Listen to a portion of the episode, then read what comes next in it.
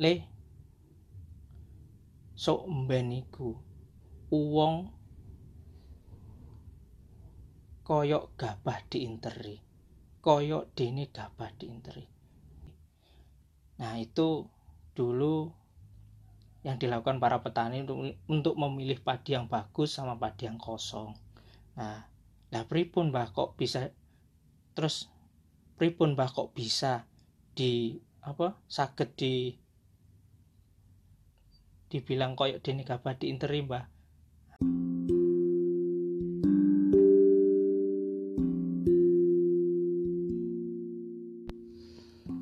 Assalamualaikum, apa kabar teman-teman? Semoga semuanya selalu dalam keadaan baik-baik saja ya dan selalu dalam lindungan Allah Subhanahu wa taala. Amin. Seiring dengan kemajuan teknologi membuat semagi, sebagian orang berpikir ia hidup di generasi terbaik.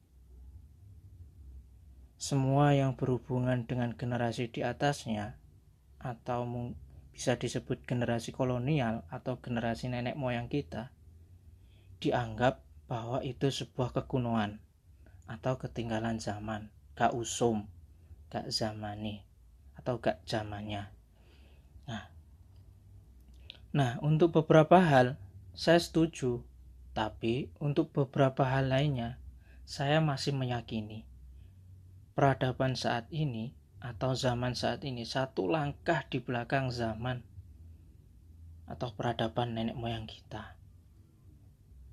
Bagaimana membangun piramida dan candi saja masih menjadi perdebatan hingga sekarang. Bukankah itu sebuah bukti, sebuah karya yang melebihi pada zamannya? Alhamdulillah, saya masih diberi kesempatan berinteraksi dengan kakek dan nenek buyut saya secara langsung. Apa yang saya dapat dari beliau-beliau inilah yang akan menjadi bahasan pada podcast kali ini. Nah, teman-teman, mungkin teman-teman juga pernah cerita-cerita atau diceritai atau dikasih pesan oleh kakek neneknya ya. Nah, ini juga yang saya share ketika nenek saya dan kakek saya ngasih beberapa pesan. Waktu itu, kalau tidak salah saya masih SD kelas 6 atau mau lulus SMP. Kalau tidak salah, soalnya setahun selepas itu beliau ini meninggal. Yang cerita ke saya atau ngasih pesan ini nenek buyut. Soalnya kalau kakek buyut sudah meninggal waktu ibu saya masih kecil. Nah, pesan beliau yang pertama kali pertama beliau ucapkan itu bilang gini. Le mengko uang gawe seragam iku ngemis. Lah pripun, Mbah? Nah, saya jawab gitu. Pertanyaan Mbah itu gini. Bukan pertanyaan sih. Kalau saya nganggapnya itu ini mbah lagi ngeramal atau bagaimana? Kok bisa-bisanya nebak masa depan atau ngeramal masa depan seperti itu? Tapi saya nggak mudeng apa itu yang diomongkan. Kemudian saya tanya gimana mbah maksudnya? Lah mbah jawab mbah jawab gini. Maksudnya ini loh le wong berseragam itu kan mesti wong sing dinas mbah mergaene nang kantor.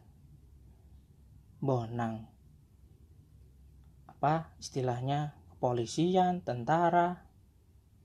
Atau mana pun lah le. Pokoknya itu orang-orang yang berpendidikan. Kalau itu yang dibilang mbah mbah itu bilang orang berseragam itu nantinya ngemis. Maksudnya mbah itu gini wong orang nanti orang-orang itu yang berpendidikan atau kerja di kantoran istilahnya mbak itu orang yang berpendidikan itu ngemis. Nggak tahu ngemisnya ini apa saya masih bingung. Saya tanya lagi mbah ngemis itu ngemisnya gimana mbah? Minta-minta di jalan kayak pengemis-kemis itu. Oh si le beda le. Itu ngemisnya bukan bukan hanya di jalan nih. Bisa saja ngemisnya uang ini uang negara. Istilahnya korupsi pungli. Kayak gitu teman-teman. Maksudnya mbah saya. Nah teman-teman sendiri apakah merasa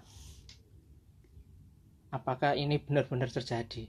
Kalau saya sih ngerasanya ya sekarang memang terjadi. Apa yang mbah saya waktu itu bilang ke saya. Nah saya kenapa kenapa podcast kali ini saya angkat itu? Karena saya ingat pesan mbah waktu itu kayak gitu. Saya, saya pengen nyampaikan ke teman-teman. Gitu aja bahwa tidak tahu ini ramalan atau enggak tapi ini benar-benar terjadi teman-teman sekarang kita lihat di media-media. Banyak oknum-oknum. Ataupun apa? Korupsi pungli suap sogok menyogok. Itu hampir seperti budaya. Bahkan dari yang atas sampai yang bawah kan teman-teman juga tahu sendirilah. Mungkin juga pernah mengalami. Contoh mau masuk sekolah mau ini. Sekarang kan banyak yang bilang seperti itu. Nger kalau tahu jalannya pasti jadi. Nah pernah ada yang bilang gitu. Nah itu pesan pertama mbah. Kemudian mbah itu ngasih apa ya? Dulu saya dibilangi sekolah sing pinter nanging ojo minteri sing goblok.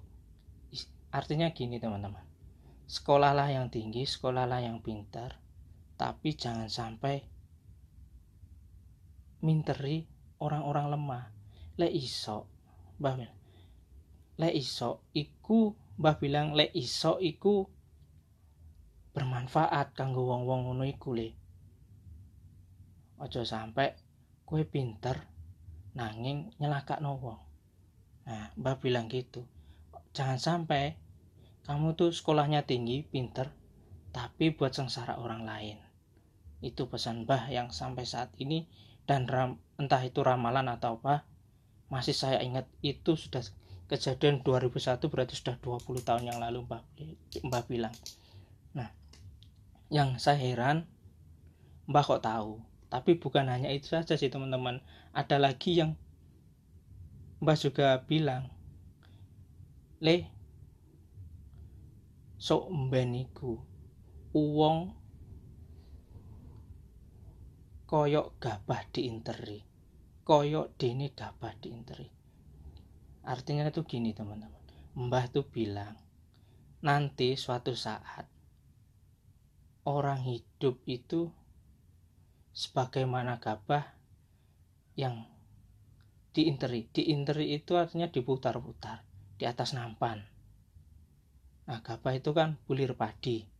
Nah, bulir padi itu yang di Nah, itu dulu yang dilakukan para petani untuk, memilih padi yang bagus sama padi yang kosong. Nah, lah pripun Mbah kok bisa terus pripun Mbah kok bisa di apa sakit di dibilang koyok dini gabah diinteri Mbah? Dulu saya tanyanya gitu teman-teman. Terus dijawab sama mbaknya ini loh le gabah interi iku ibarate kelompok atau masyarakat atau wong-wong iki sing sak sok iki. Wong sing bener-bener gak ada prinsip le. Artinya orang atau bangsa sendiri ataupun sekelompok masyarakat itu teman-teman yang Mbak artikan memang benar-benar sudah tidak punya prinsip, tidak punya pendirian, sukanya itu ikut-ikutan. Nah, nggak tahu mana yang benar dan mana yang salah. tuntunan jadi tontonan, begitu pula sebaliknya, tontonan jadi tuntunan. Itulah yang Mbah bilang koyok gabah di interi. Terus selain itu Mbah juga ngartikan gini teman-teman. bahwa nanti orang kerja itu ya ibaratnya sama kayak gabah di internet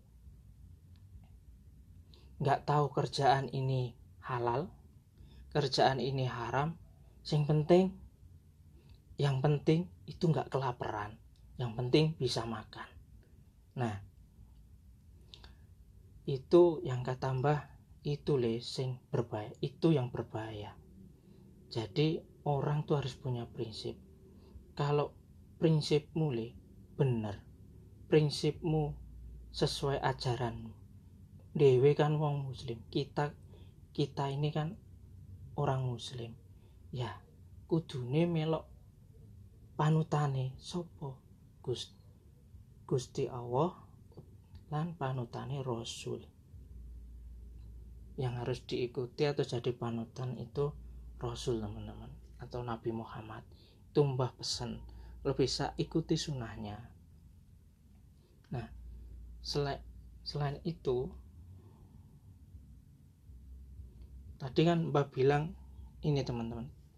Teman-teman ngerasa nggak sekarang itu kalau misal lagi trennya apa ikut trennya apa lagi apa?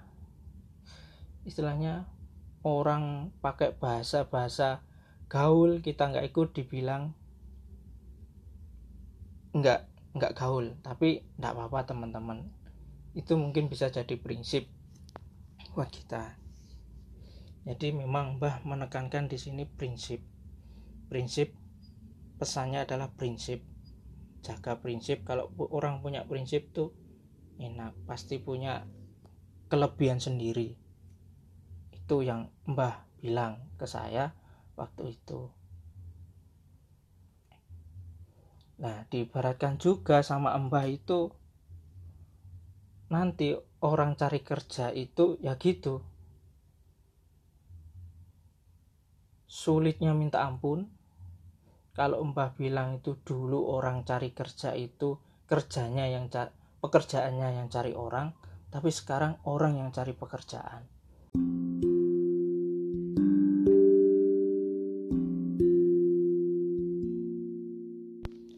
Nah, teman-teman, itulah obrolan singkat waktu pulang sekolah dengan mbak saya. Menutup pembahasan kali ini,